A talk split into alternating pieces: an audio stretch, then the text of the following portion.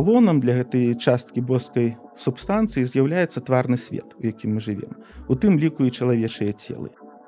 У ісламе не існуе інстытут царквы, не існуе некага адзінага аўтарытэту, які б дазваляў аддзяляць легітымныя тлумачэнні тэксту ад нелегітымных тлумачэнняў тэксту.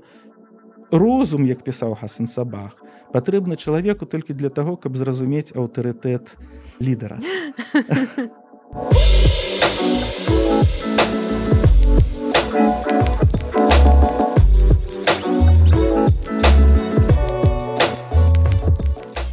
дзень шаноўнае гаспадарства з вами падкаст так склалася гістарычна я дзягель Ганна. Рада вас чуць сёння рада што вы застаецеся з маім праектам і рада чарговы раз запрасіць цікавага беларускага гісторыка ў гэту студыю. Але перад тым як мы перайдзем уласна кажучы да сённяшняга госця сённяшняй тэмы я хотела бы расказаць пра яшчэ адзін беларускі праект які насамрэч вельмі падобны на мой які открывае показвае цікавых беларускіх людзей. Гэта праект аловак мах онлайн часопіс і такі падраздзяленні гэтага праекту падкаст сваімі рукамі. Аловак Мага расказвае пра беларускіх майстроў, рамеснікаў, мастакоў і у падкасе сваімі рукамі бярэ аўтарка ў іх інтэрв'ю і расказвае, распытвае, як так склалася гістарычна, што творчасць стала прафесіяй. Калі ласка усе спасылкі будуць у апісанні, подписывайтеся на нстаграм, аловак маг э, слухайце падкаст, на тыкток там вельмі цікавае відэа і ведайце пра наших выбітных, цікавых, таленавітых беларусаў. А сёння у нас у гасцях PhD, кандыдат гістарычных навук, усходазнаўца Дмітрий Сеўрук. Вітаю Дмітрий. Добрый дзень Ганна. Дмітрый акрамя таго што ён усходазнаўцы навуковец аўтар таксама такого цікавага тэлеграм-канала блізкі ўсход у цэнтры Еўропы дзе расказвае розна цікавосткі з гісторыі і сучаснасці нават блізкага ўсходу. Вельмі рэкамендую таксама будзе ў апісанні. Дмітрий раскажыце ласка ў дзвюх можа быть словах на чым вы спецыялізуецеся ў сваім навуковым жыцці Ну у сваім навуковым менавіта жыцці я даволі доўгі час спецыялізаваўся на тое, што можна назваць шыіцкімі сектамі uh -huh. так. Але слова секта мне не вельмі падабаецца, таму што яно мае такую крыху негатыўную афармоўку ў хрысціянскім кантэксце. Таму я прапанаваў сённяшнюю нашу тэму назваць шыіцкія супольні і эзотэрычныя шыіцкія супольні, таму што гэта такі крыху незвычайны бок можа рэлігіі, под назвай іслам якую шмат хто сабе добра ўяўляе можа як думае але насамрэч ты феномен даволі складаны і мае часам нечаканыя бакі Угу. А вось адразу пытанне адразу пытань так гэта ісламскія накірункі так? А што значыць шыіцкія? Што значит шыізм? Ну глядзіце я спачатку увогуле магу патлумачыць што такое шыіты суніты. Ёсць яшчэ насамрэч і бадыты пра якіх часта забываюць таму што іх не шмат і таму забудзем пра іх мы таксама сёння. Але што датычыцца сунітаў шыітаў то ну калі хтосьці сёння пачне цікавіцца ісламам напрыклад і зазірне ў вікіпедыю то то першае што ён убачыць гэта тое што ў ісламе ёсць два асноўных накірункі. Mm -hmm. это суніты это шыіты. Насамрэч кожны з гэтых феноменаў сам па сабе даволі складаны комплекс феноменаў я б сказаў нават. І гутарка на гэтую тэму зацягнулася б не на одну праграму таму ну, у дзвюх словах. У дзвюх словах я магу на адрозненне Я думаю, што я пачну з гісторыі крыху тады, uh -huh. калі мы кажам пра асноўныя адрозненні і ўсё пачалося з палітычнага расколу, з палітычнага расколу падчас першай грамадзянскай вайны, першай фітны у ісламе гэта 656 год. Калі быў забіты, ну насамрэч усё пачалося нашмат раней. Усё пачалося нашмат раней, але пра гэта таксама не будзем. Вялікі раскол адбыўся ў 656 годзе пасля забойства так званага трэцяга праведнага халіфа Усмана, калі ўтварыліся дзве групоўкі, дзве вялікія групоўкі, якія фактычна былі асноўнымі актарамі гэтага канфлікту і атрымалі назву шаталі. Гэта партыя алішы арабскае слово, якое азначае група партыя. шат алі это былі прыхільнікі алі стречнага брата і зяця пророка мухаммада і шат усман это былі тыя хто вырашыў адпомсціць за забойства усмана і адказным у гэтым забойстве лічылі менавіта алі. Але гэта быў палітычны раскол. То бок нейкіх рэлігійных асаблівасцяў ні адна ні другая групоўка пакуль што ну можна сказаць не мелі да? Я так паправце мне калі я не права. Я так разумею там шла мова аб тым каму павінна перадавацца вярхоўная ўлада.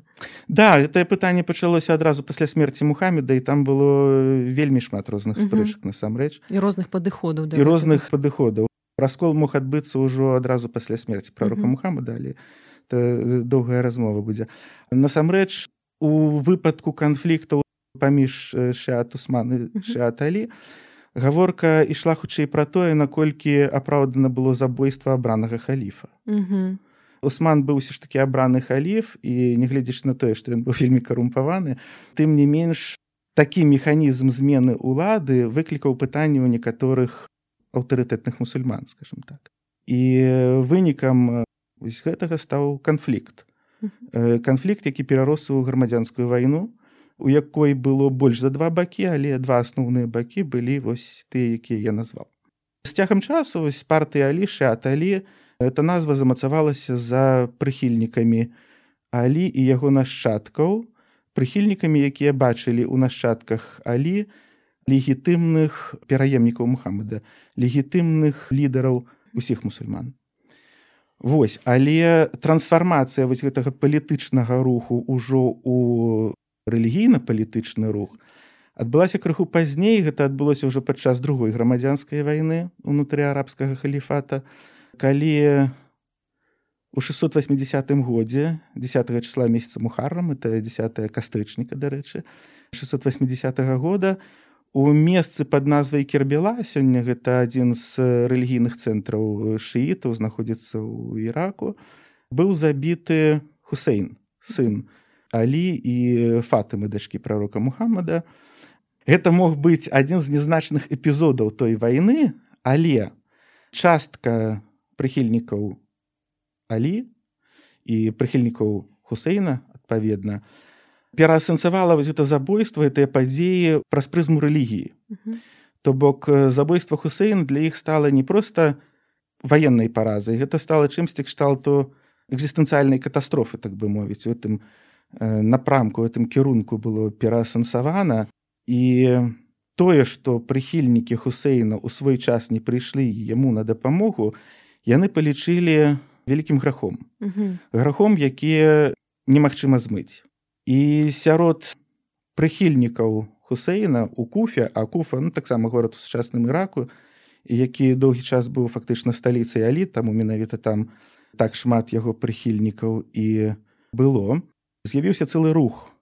Рух тых што каюцца. Uh -huh. і найбольш харызматычным відавочна прадстаўніком быў такі сулейманы бнсурат які фактычна заклікаў спачатку да калектыўнага самазабойства у якасці выкупа за ось такі грэх але самагубства это грэх з пункту гледжання карана таму яны зладзілі так званы марш смерти. Это быў 684 год. Фактычна яны паўтарылі падзеі кербелы. То бок яны рушылі ў кербелу яны справакавалі бойку з войскамі халіфа і амаль усе загінулі.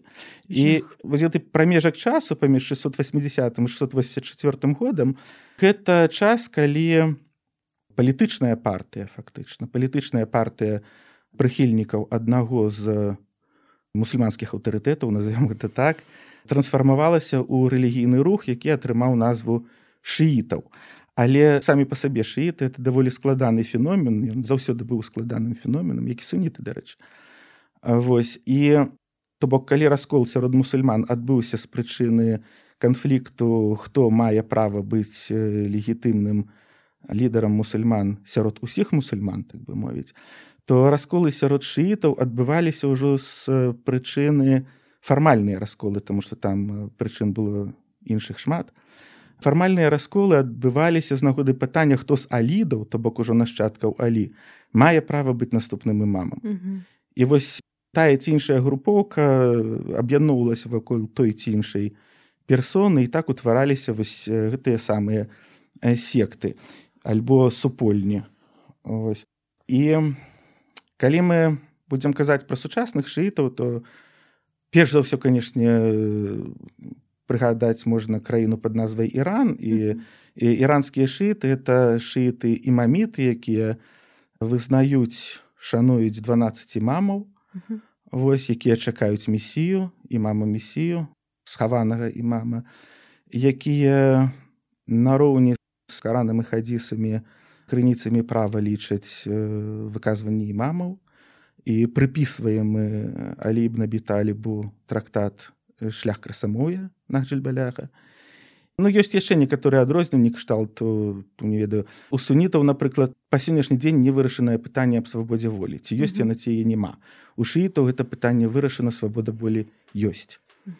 Ёсць пэўныя юрыдычныя таксама спецыфіку юрспрудэнцыі спецыфічная юрыдычна-багаслоўская школа ў шыіта існуе джафарыцкая называецца і там ужо свае механізмы вынесення рашэння але я думаю что это уже будзе занадта спецыфічна ну, калі... гэта напэўна асобная тэма гэта да, да, цікавая да, тэма это... ісламскае права але гэта такая асобная тэма Вось. Але на сённяшні дзень існуюць групоўкі шыіцкія супольні шыіцкія якія ну у пэўным сэнсе можна лічыць рэштамі таго што было ў сярэднявеччы. А ў сярэднявеччы феномен шыіцкага ісламу быў значна больш разнастайны чым сёння. Як дарэчы і феномен суніцкага ісламу пра які таксама можна будзе як-небудзь пагутарыць. І вось перад тым як перайсці да гэтых спецыфічных груповак і да іх рэштаў сёння можна было б сказаць некалькі словаў чаму ўвогуле гэты феномен тварыўся вось гэтых самых спецыфічных груповак. І тут можна прыгадаць нямецкага ўсходазнаўца такого ганьца хальма які цэлае паняцце ўвёў ва ўсходазнаўства под назвай шыіцкі гнозіс. Справа ў тым што ўвогуле іслам калі мы возьмем там іслам часу прарука мухаммада напрыклад то это даволі простае веравучэнне. Будзем шчырымі мухаммад не быў занадта глыбокім мысляром ён быў выдатны палітычны дзеяч даволі паспяховы Але з цягам часу, калі мусульмане заваёўвалі новыя землі, яны сутыкаліся з новымі культурамі, з новымі формамі сацыяльных, эканамічных і іншых адносін. І гэтыя адносіны нейкім чынам трэба было рэгуляваць, па-першае. Па-другое, новыя мусульмане пачыналі пераасэнсоўваць тэкст карана праз прызму свайго ўжо культурнага бэкграунда, так бы мовіць.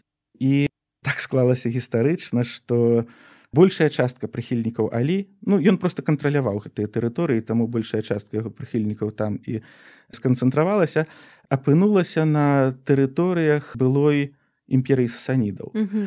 а імперыя сасанідаў была шмат канфесійнай дзяржавы нягледзячы на пануючы статус зараастрызму там былі і юдэйскія абшчыны як вы ведаеце там былі і супольні гностыкаў там былі хрысціянскія кірункі пэўныя захаваліся. І вось менавіта гнастычным супольням Хайнцхальм надае найбольшае значэнне пры фармаванні таго, што ён называе шыіцкім гнозісам. А хто такія гностыкі? ну, гэта, я разумею гэта таксама складана пытанне але вось ну у дзвюх словах чым яна адрозніваецца ад звычайных ну нейкіх проста рэлігійных людзей ну глядзіце гностыкі ну гнозіс гэта веды mm -hmm. веданне нават да калі мы этымалогію слова глянем але для гностыкаў веды альбо ведання гэта слова было сінонімам таго што сёння мы называем рэлігійнай верай mm -hmm. глядзіце з пункту гледжання гностыкава свету якім мы жывем утварыўся ў выніку некае непаразумення памылкі альбо некай недобрай задумы так бы мовіць ёсць нейкі бог трансцэндэнтны які не мае ніякага дачынення да гэтага свету. І вось гэты бог ён існуе і з яго выцякае так бы мовіць вынікаюць часткі боскай энергіі. І вось адна з гэтых частак у пэўны момант забывае што яна была калісьці часткай бога. Забыццё гэта адзін з ключавых тэрміну гнастыцызму забывае што яна была звычайна гэта дарэчы мудрасць Сафія забывае што яна калісьці была часткай Бога і пачынае ствараць сама. Але штосьці добрае ў яе стварыць не атрымліваецца яна стварае нейкіх пачвар якія у выніку бяруць у палон яе саму тую частку боскай субстанцыі і палонам для гэтай часткі боскай субстанцыі з'яўляецца тварны свет у якім мы жывем у тым ліку і чалавечыя целы. Мэта жыцця гностыка так бы мовіць это зразумець па-перша что такое гнозіс. Гнозіс гэта разуменне того что свет у якім мы жывем гэта фактычна турма. Боскай энергіі. Да. І мэта гностыка гэта вызваліць вось гэтую самую боскую энергію тым ці іншым чынам так бы мовіць. Механізмы былі розныя насамрэч і ну самы такі скандальны не ведаю самы такі цікавы прыклад. Гэта агностыкі карпакратыяне пра якіх ірына ільёнскі піша што ну глядзіце калі гэты свет турма то законы гэтага свету гэта законы турмы. І разбурыць гэты свет можна парушаючы законы гэтага свету. Таму вызваліць частку вось гэтай самай боскай энергіі можна парушыўшы ўсе магчымыя законы гэтага свету такія рэлігійныя анархісты да да да штосьці ну это нават не, не, не просто анархісты да, это, это нават это... вышэй ўзровень да да да да да. Ну вось калі зусім схематычна тому что там таксама былі розныя варыяцыі там калі мы возьмем іранскі гнозіс так званы то там можна убачыць адразу два пачатка вось добры і злы та... дуалізм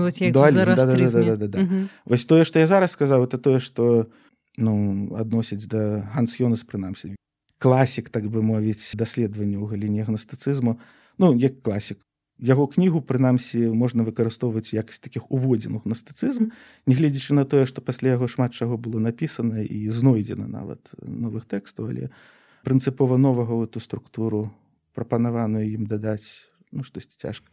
Ну вось гэта асноўныя рысы такія гнастыцызму так? Это спецыфічны міф пра стварэнне ну і адпаведна такое спецыфічна адносіны да, да навакольнага свету да. Ага. І значыцца вось гэтыя гностыкі яны ў тым ліку ў іране сучасным ну... пражывалі і ўплывалі таксама на ну глядзіць так. я прыведу некалькі ага. прыкладаў просто калі буду казаць да? Ну па-першае калі мы кажам пра гностыкаў якія жылі ў іране і ў сучасным іраку да то яны і сёння там ёсць. Гэта адзіная бадай гнастычная секта гнастычная супольня якая дажыла да наших дзён гэта мандыі да? ну зараз іх больш даецца ў аўстраліі чым у іраку іране але гістарычна яны вельмі доўга жылі менавіта на тэрыторыі ірака і ірана. У іх даволі спецыфічнае было перасэнса то бок яны не практыкавалі нейкіх таких экзатычных рытуалаў так бы маюць кшталт карпакрацыянтам якія разбуралі турму вязніцу парушаючы законы у іх не было нейкіх экстрэмальных аскетычных практык так бы мовіць mm -hmm. альбо схільнасці да самазабойстваў як у некаторых але у іх вельмі спецыфічнае разуменне было біблійскай міфалогіі напрыклад сапраўдным прарокам яны лічылі яна хрысціцеля а Ісус гэта і лжэ прарок mm -hmm. Ось. Ну просто прыклад такога пераасэнсавання да таму што такога кшталту пераасэнсаванні біблійскіх міфаў былі даволі тыповай з'явай для гностыкаў напрыклад того што Бог бібліі напрыклад гэта не добры Бог это злы дэміург які стварыў гэты свет каб зрабіць яго вязніцай для субстанцыі боскай энергіі так бы мовіць але давайте да, да, вернемся вернемся да шыіцкіх вось гэтых вернемся да шыйца ну вось і ну просто каб вы уяўлялі сабе якога кшталту кірункі яшчэ існавалі на тэрыторыі былой імперыі сасанідаў з прадстаўнікамі якіх кірункаў?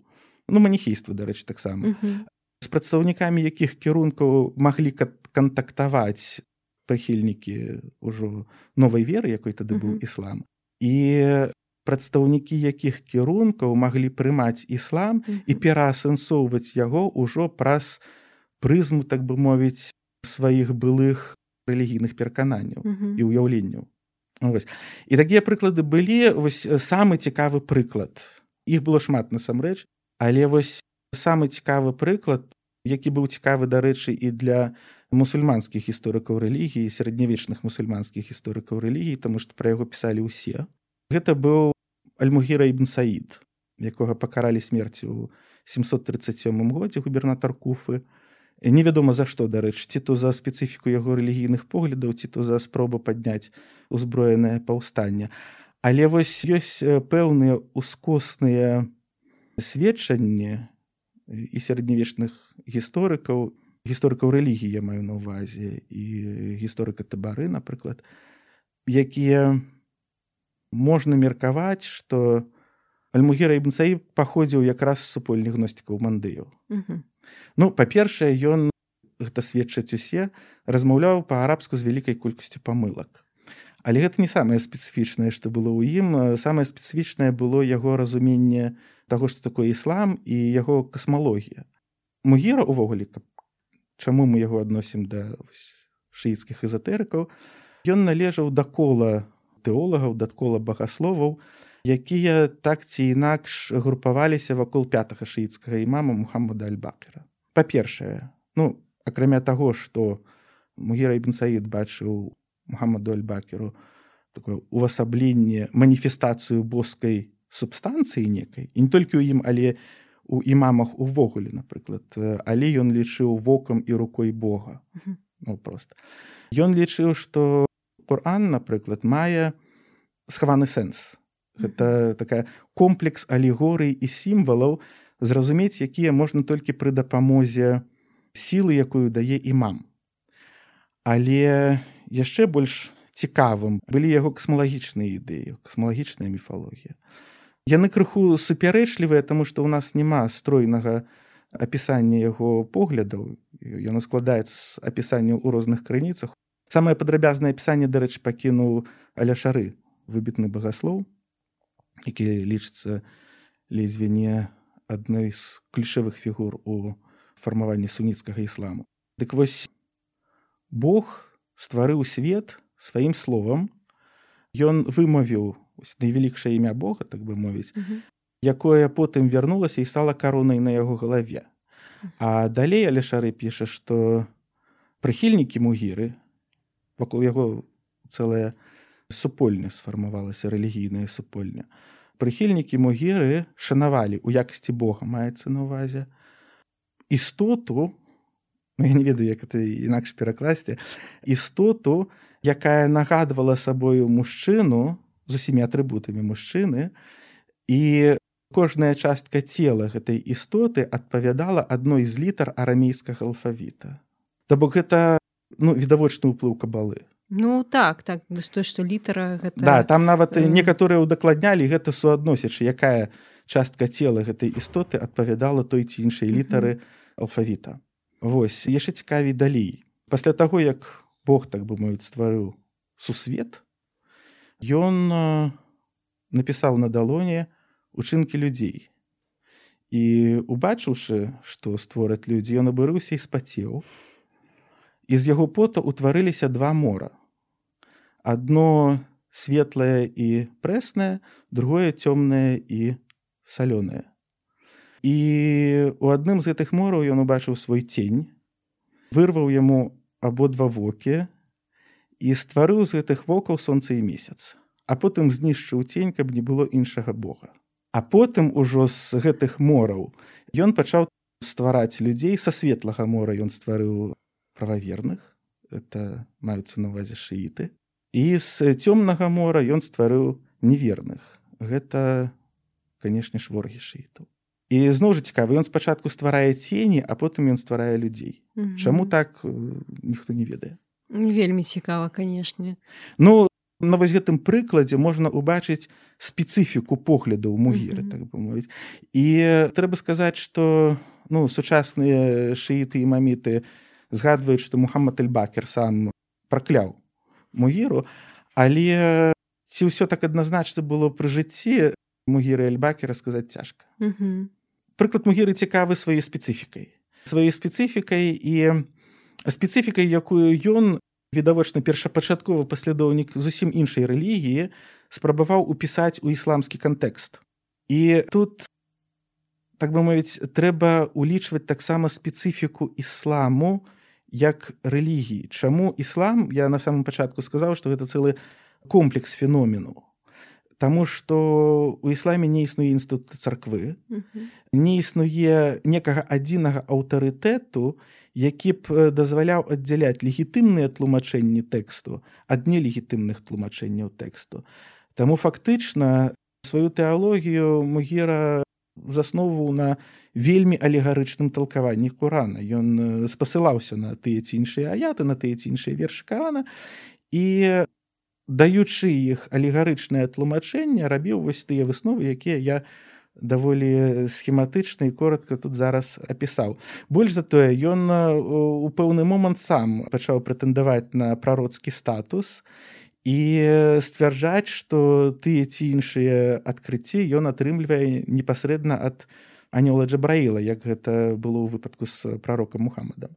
Ну і некаторыя гісторыкі пішуць, што ў выніку ён усё ж такі вырашыў узяць уладу ў свае рукі што і стала прычынай яго паразы і пакарання смерці ў куфе ага. Вельмі цікавая асоба канешне. А яго паслядоўнікі нейкім чынам замацаваліся альбо вось пасля яго смерці яны не пасля яго смерці яны трансфармаваліся ў іншыя групоўкі. Там пасля яго смерці яго сын напрыклад uh -huh. быў лідарам яго паслядоўнікаў. Але пятый мам таксама памёр з'явіўся шосты. І вакол гэтага шостага і мама я просто показываю спецыфіку да? І вакол гэтага шостага і мама таксама было цэлае кола тэолагаў сфармавалася якое спрабавала тлумачыць іслам разумець іслам праз прызму гнастычных ідэй.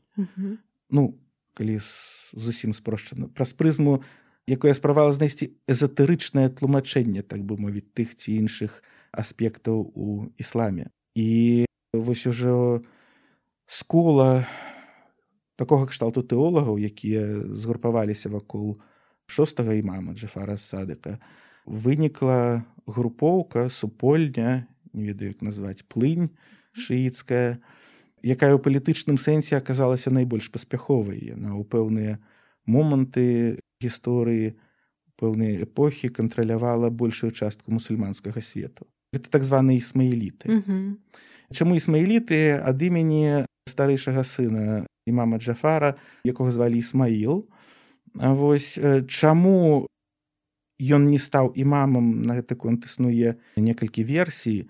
Самая распаўсюджаная тая, што ён памёр яшчэ пры жыцці бацькі і таму не мог просто стаць яго пераемнікам. Але частка тых тэолагаў палічыла, што ў такім выпадку наступным імамам мусіць быць сын Ісмаіла Мухаммад. У той час як Джафара садак вырашыў прызначыць пераемнікам іншага свайго сына мусуказіма, які ў выніку і стаў сёмым мамам, але частка з гэтым не пагадзілася. Ну зноў жа тут пытанне пра тое, хто мусіць быць наступным імамам, гэта хутчэй такая фармальная прычына для расколу там шмат іншых было канешне.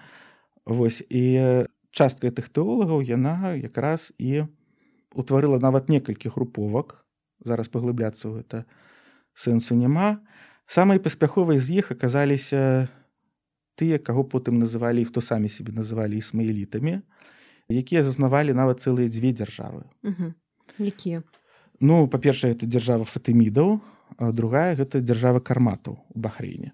Ну, бах... фатыміды гэта у Это паўночная Афрыка. Недзе каля тысячнага года яны пад іх уладай была ўся паўночная Афрыка, Сіцылія, левант і заходняя частка аравійскай паўвыспы mm -hmm. ну, сённяшняя саудаўская аравія калі мы кажам пра карматаў то гэта ўжо ўсходняя частка бахрейн ну бахрейнам называлася не тая выспа якая сёння называется бахрейнам а бахрейнам называлася ўсходняе узбярэжжа таксама аравійскай паўвыспы гэта ну, сённяшняя саудаўская аравія арабскія эміраты часткова там. Mm -hmm.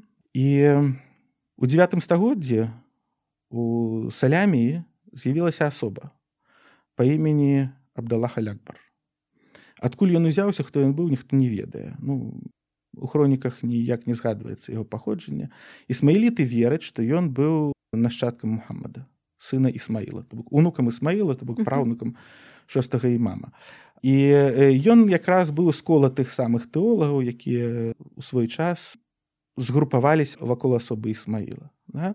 Ён насеў у салямі гэта сучасная сірыя заходняя сірыя і пачаў адтуль прапаганду даволі паспяховую прапаганду вынікам гэтага стала тое што ён не ён а нават яго нашчадкі яго пераемнікі атрымалі падтрымку берберскіх племянаў паўночнай Афрыкі Мгм. Ну это аказалася вельмі проста тому што яны прапагандай займаліся падчас хаджа ў мекку і таму там можна было сустрэць прадстаўнікоў з усяго ісламскага свету.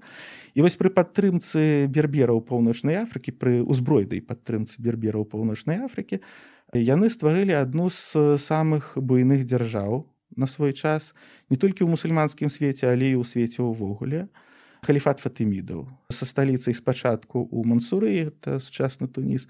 Потым яны пабудавалі пасля таго як заваявалі егіпет яны пабудавалі каір побач са старой сталіцай фустатам. І нось каір які турыстычны сённяшні каір Мгм. вось там дзе мечеці лязгар універсітэты лязгар базар знакаміты і так далей каір пабудаваны фатымідамі менавіта Мгм. І тут яшчэ парадокс у тым, што ў фатымідаў была таксама вельмі своеасаблівая касмалогія. Я не ведаю, ці варта на яе зараз засяроджвацца. І, ну у дзвюх словах чым яе асаблівасць такая была Ну па-першае, у іх асаблівасць у тым, што у іх было вельмі своеасаблівае э, разуменне гісторыі.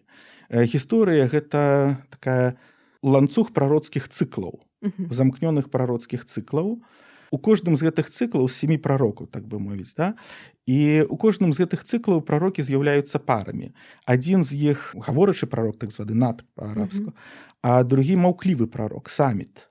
Дык вось гаворачы прарок прыносіць рэлігійны закон, а маўклівы прарок ведае яго патаемны сэнс. Ну я магу проста прыклады прывесці Да, да, Вось, да, да, ну давайте. напрыклад гаворачым прарокам быў Маісей альбо муса а маўклівым прарокам быў гарун яго брат Аарон гаворачым прарокам быў Ісус а маўклівым прарокам быў апостол Пётр Хм. гаворачым прарокам быў Мухаммед а маўклівым прарокам быў Алі То бок у маўклівага прарока крыху больш высокі статус Таму што ён ведае менавіта сэнс. Як сэнс, яно да, насамрэч як яно- Мгм. Ну як яно насамрэч у рэшце рэшт будзе ведаць толькі месія які Мгм. абавязкова прыйдзе. І вось з прыходам месіі усе рэлігіі страцяць сілу так бы мовіць таму што адзіная сапраўдная рэлігія это рэлігія якую прынесе месія. Мгм. і вось гэтага самага месію ісмаіліты чакалі даволі доўга потым яны проста пераасэнсавалі сімвалічна сам тэрмін месіянства паняцце месіянства. Гэта адна спецыфіка да?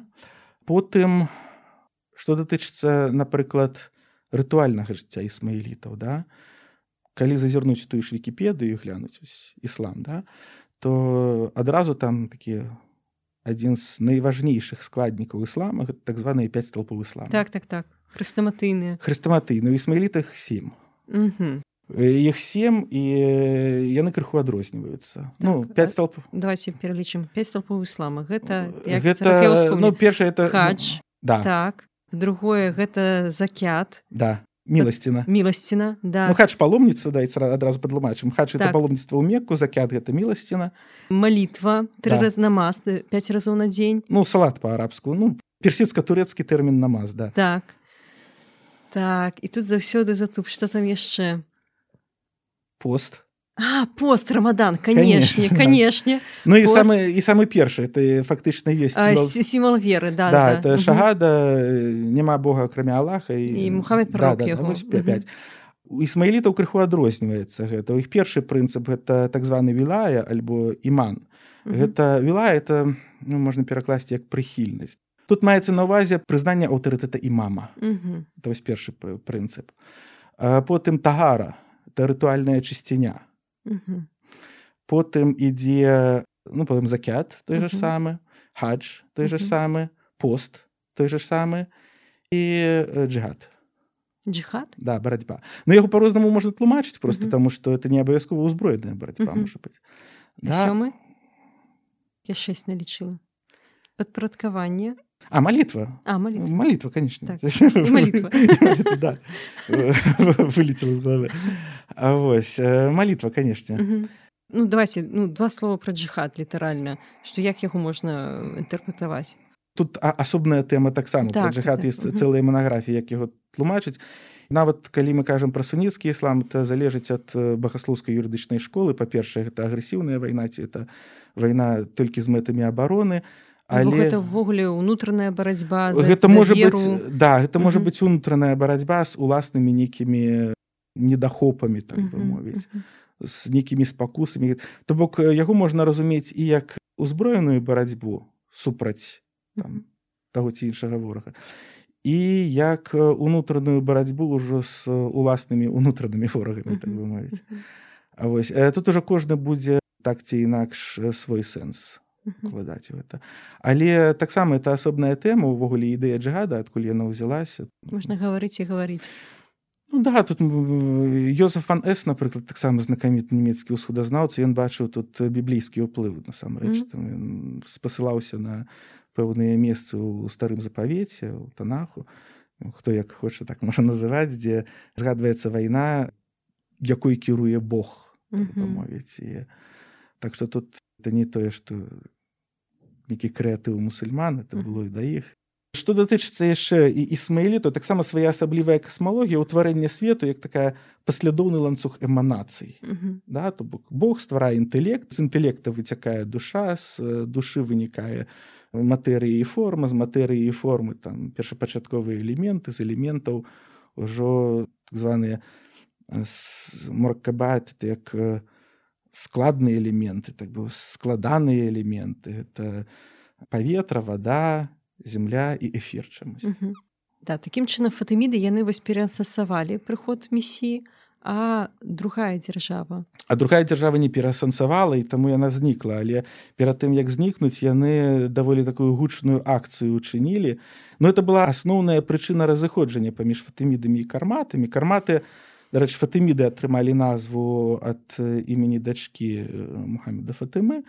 А карматы атрымалі назву ад аднаго з іх рэлігійных аўтарытэтаў хамдана кармата. Вось. Асноўная прычына разыходжання была ў тым калі будзе місія да? Фатыміды ўрэшце рэс ну, яны перасоўвалі это ўвесь час наперад. Кармат чакалі з вось са дня на дзень літаральна. Mm -hmm. і калі ў 928 годзе адбылася кан'юнкцыя юпітера і сатурн то бок яны на адной лініі выстраіліся гэтыя дзве планеты. Яны патлумачылі гэта як знак апакаліптычны знак як знак таго што місія уже тут. Пачалі даволі актыўныя дзейнасць заваяваўшы амаль усё усходняе ўзбярэжжа аравійскай паўвыспы. І падчас паломніцтва ў меку яны нават напалі на меку і выкрылі адтуль чорны камень якія як пішуць гісторыкі я не ведаю праўда гэта ці не ці, ці гэта робіцца просто для того каб паказаць якія яны былі нехарошыя людзі.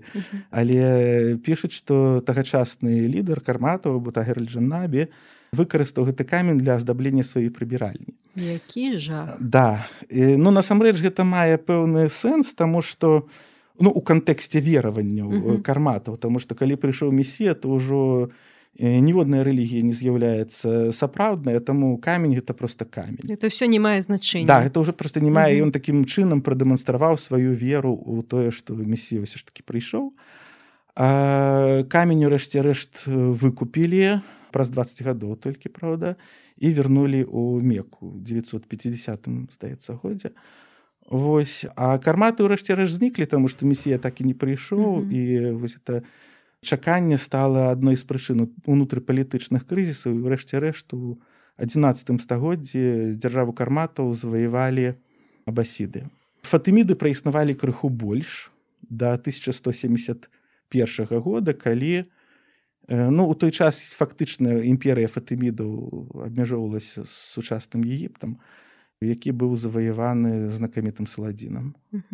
А якія яшчэ ёсць накірункі можа не такія магутныя ісмаілітаў Ну ісмаіліты існуюць па сённяшні дзень. Паміж імі таксама час ад часу ўсё ж таки здараліся канфлікты ізноў жа фармальнай нагодай было права таго ці іншага нашчадка быць наступным імамам тому что ісмаіліцкі халіф альбо ісмаіліцкі імам спачатку ён успрымаўся як той хто стане месіі потым ён стаў успрымацца просто як імам. Вось Ну самае знакамітае відаць тыя пра каго чулі ўсе гэта асасіны так званыя пра іх шмат легенд шмат казак. Пасля таго як марка пола напісаў сваю кніжку пра старога з гары так званага да які там сядзіць і кіруе страшнымі забойцы да ордэнам забойцы якія кураць гашыш. І быццам бы у гэты момант яны адчуваюць сябе ў раі. Ну я шчыра кажучы вельмі сумнеюся што марка пола сам гэта бачыў на свае вочы. Але такая плынь у ісламе насамрэч была і вось тое што тая плынь якую мы ведаем як э, асасінаў гэта ну так званы ісмаіліты незарыты. Незарыты таму што у свой час халіфаль стансер пазбавіў права свайго сына незара на імамат і ну як заўсёды стварылася вакол яго пэўная група якая палічыла яго сваёй сімвалічнай фігурай і такой харызматычнай даволі яскравай асобай сярод прыхільнікаў незара быў хасан сабах.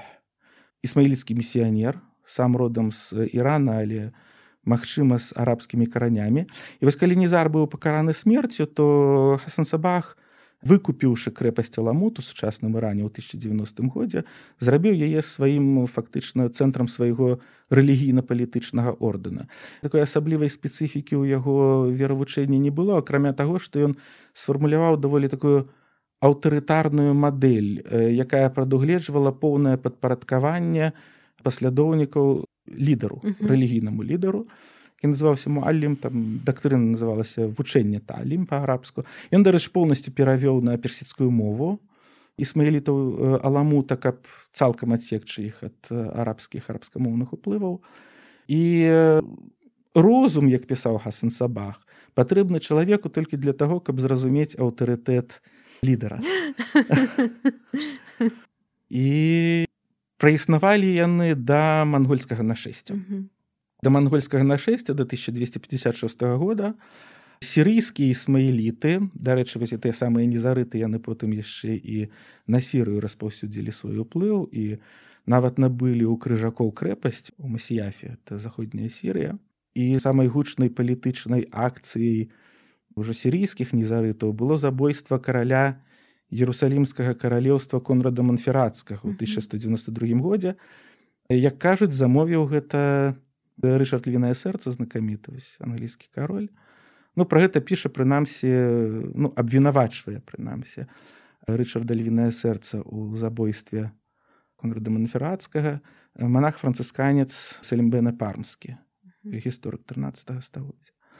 Вось але не ён адзін там шмат якія храністы пісалі што за забойствам гэтым стаяў англійскі кароль А якія вы казалі яшчэ сёння існуюць ісмаіліты якія сёння ісмаіліты глядзіце пасля разгрому аламута манголамі у нас вельмі вялікая лакуна. Вельмі такая вялікая белая пляма. Ў гісторыі амаль у 500 год.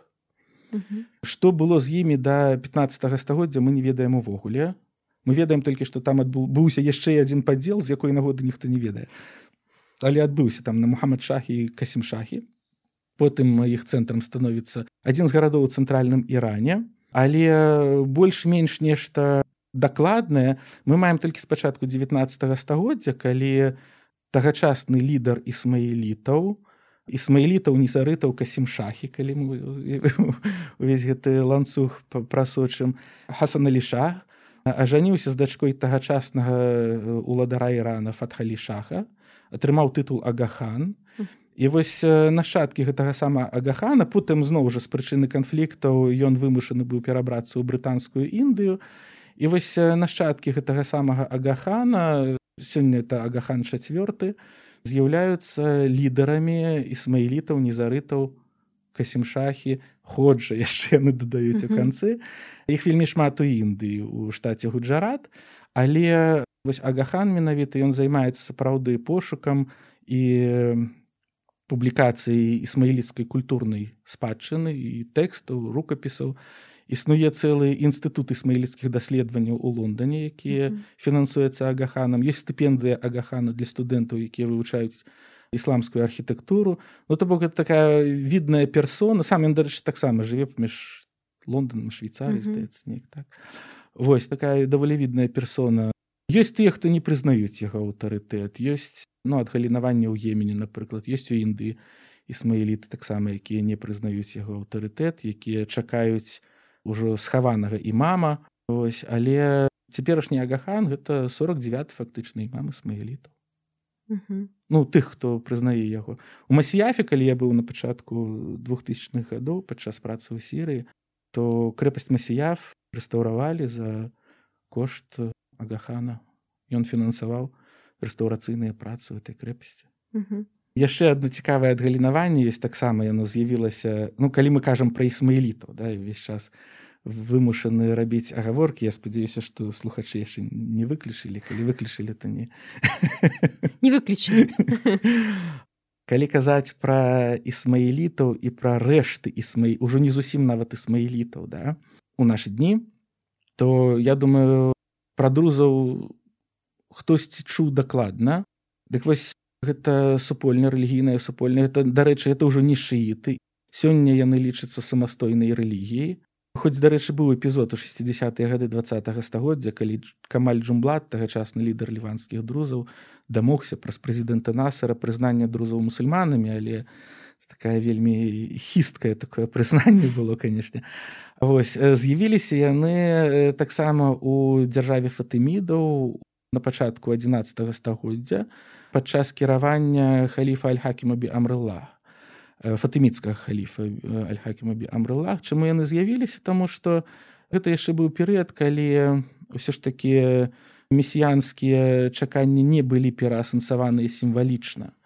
Адбылося гэта пазней у аламуце ўжо дарэчы калі прыход месіі быў пераінтэрпрэтаваны не як канец гісторыі а як пачатак некай новай эпохі ў гісторыі чалавецтва.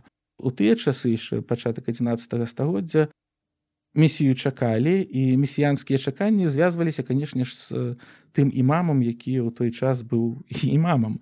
І ў той час імамам быў альхасанбі амрылах з'явілася тры прапаведнікі хамза ібналі мухаммад даразі і аль-ахмар быў такі альфаргані і вось яны трое на фоне палітычных крызісаў якія адбываліся у той час у халіфаце фатымідаў на фоне пэўных асаблівасцяў паводзін альхакімубі амрыла ёсць версіі што ён нават быў крыху вар'ят так бы мовіць убачылі ў ім месію убачылі ў ім некае такое боскую маніфестацыю на зямлі сам альхакім ставіўся да гэтага у розныя часы по-рознаму так бы мовіць.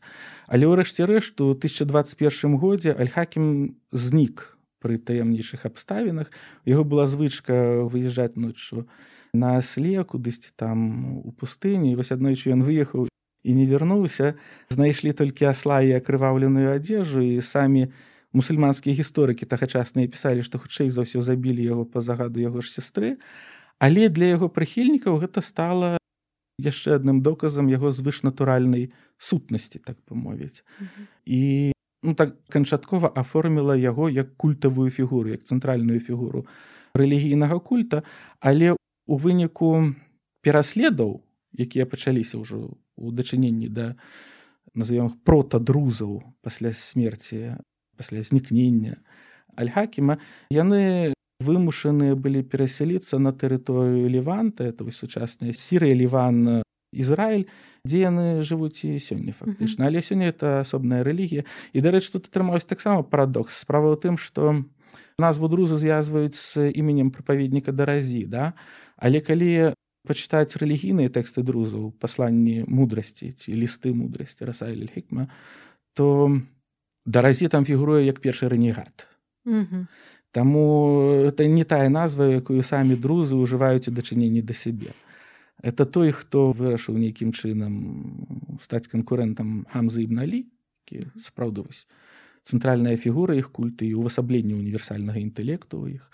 І таму яшчэ адзін такі парадокс ну не парадокс таких з'яваў шмат. Але гэта насамрэч іншая рэлігія.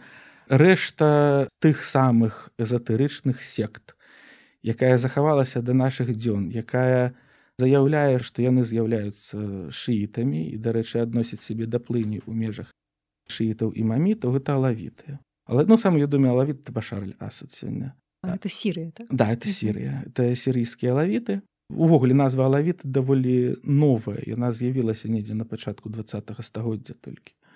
І з'явілася ну адзінай мэтай ці асноўнай мэтай можа таго што эта назва з'явілася была спроба неяк больш хаця б намінальна ісламізаваць нават у назве эту супольную. Да гэтага яны пераважна і ў тэкстах заходніх арыенталістаў і ў тэкстах сярэднявечных мусульманскіх гісторыкаў рэлігій называліся нусайрытамі ад імені ібн нусайра які жыў у девятым стагоддзі які належаў да кола тэолагаў вакол ужо 11 шыіцкага імама хасана ляскары які таксама бачыў гэтым самым хасане ляскары увасабленне маніфестацыю боскай субстанцыі да ну не толькі ў ім але і ў іншых імамах якія мы насамрэч не вельмі шмат ведаем пра яго погляды але верую перасяленне душ напрыклад Мгм. таксама да, вось.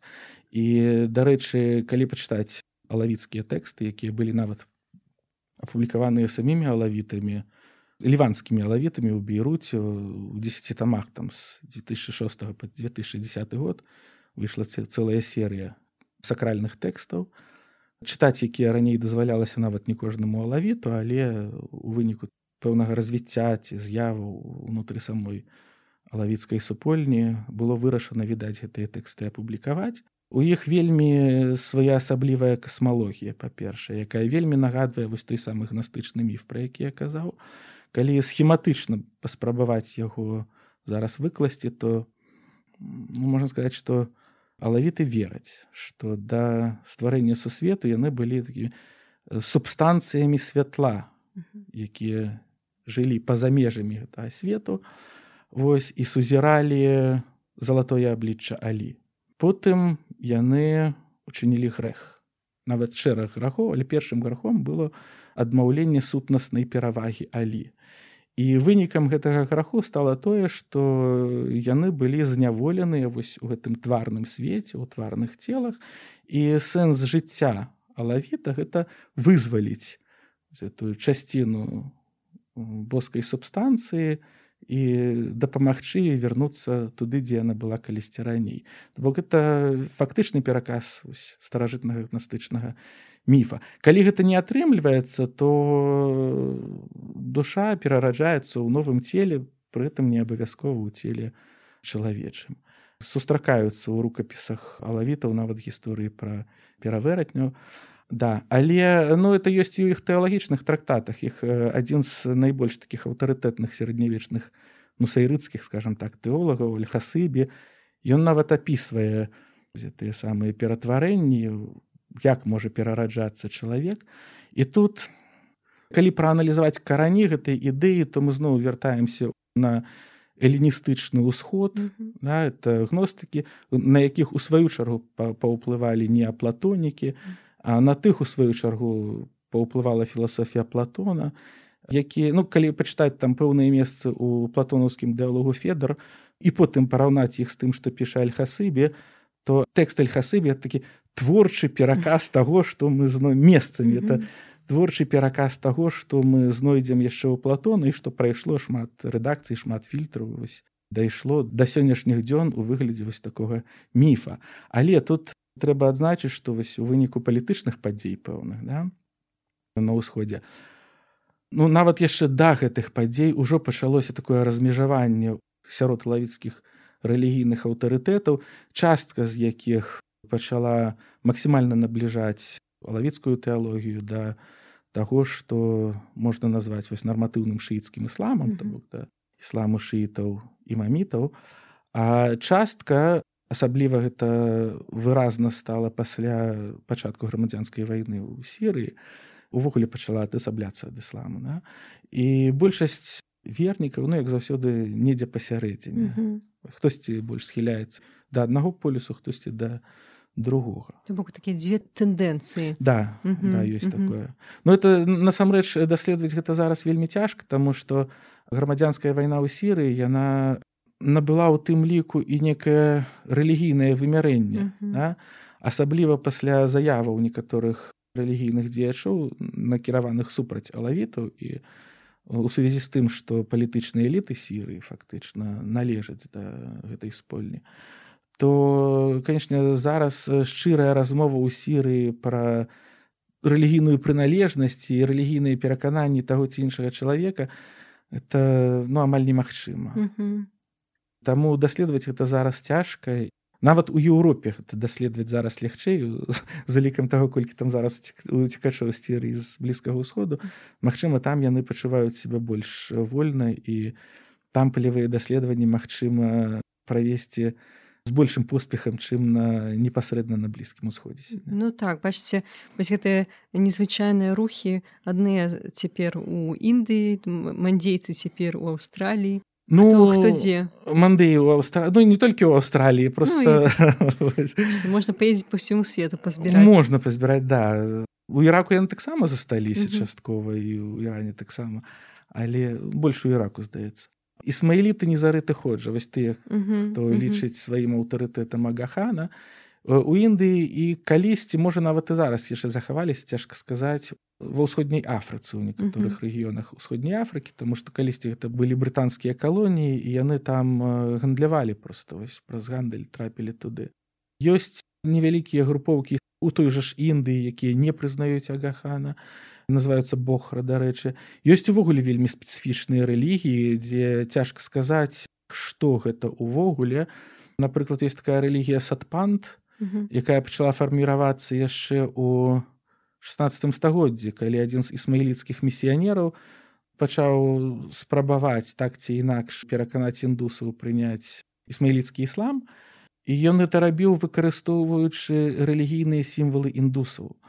У выніку атрымалася ці то асобная сінкрытычная рэлігія ці то заканспіраваны глыбока ісмаіліцкі ісплам ці то некая спецыфічная індыйская рэлігія. Сказаць вельмі цяжка таму што калі паглядзець на іх іканаграфію то першая думка гэта ну, відавочна нешта індыйскае.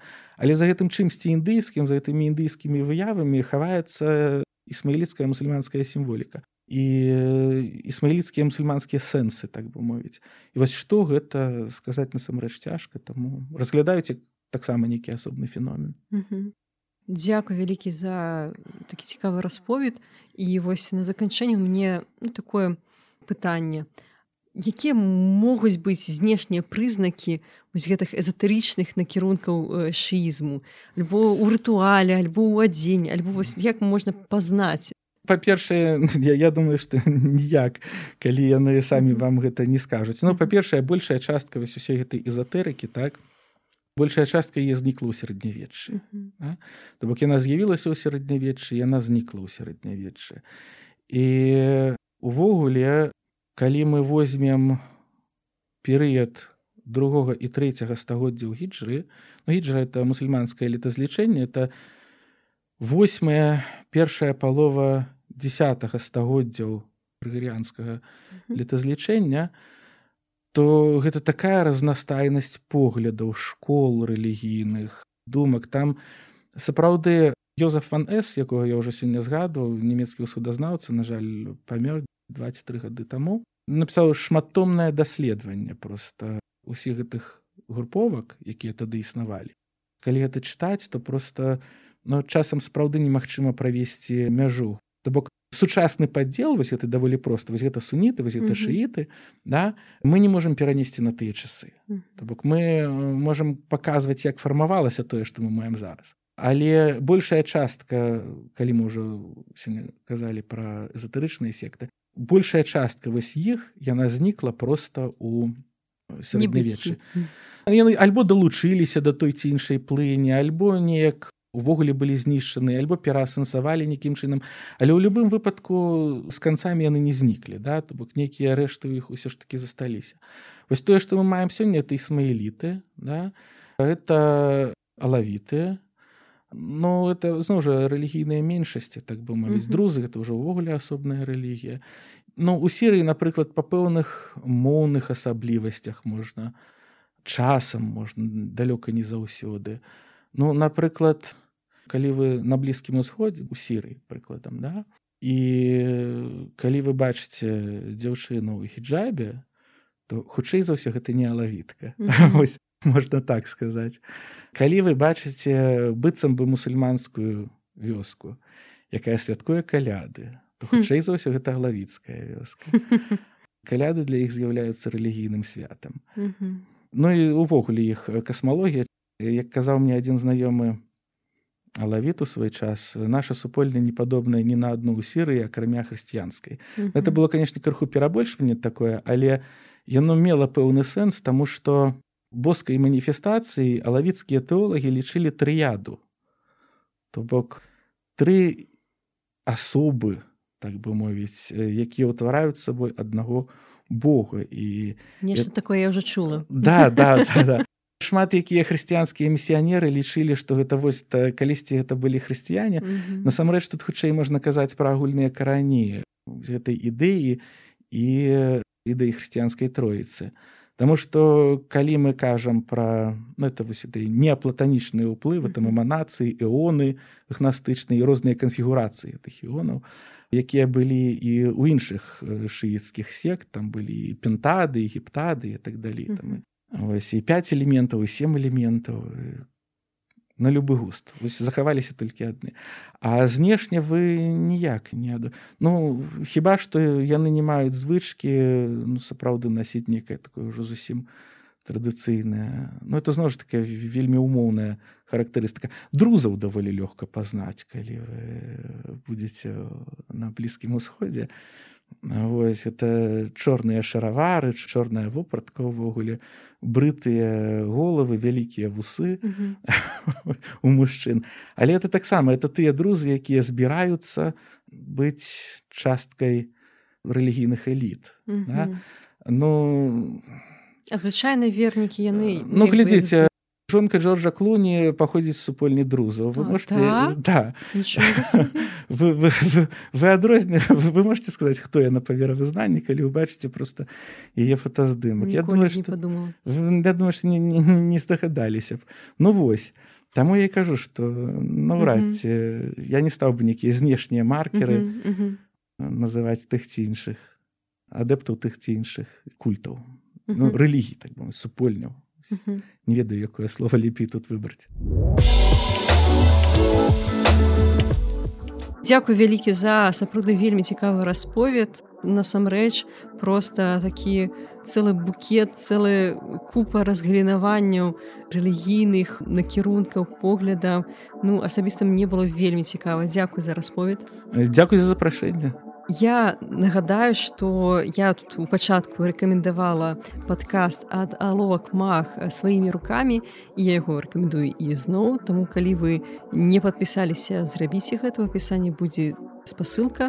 Я таксама рэкамендую падпісацца на тэлеграм-канал Дмітрыя блізкі ўсход у цэнтры Еўропы. Ён таксама вельмі цікавы.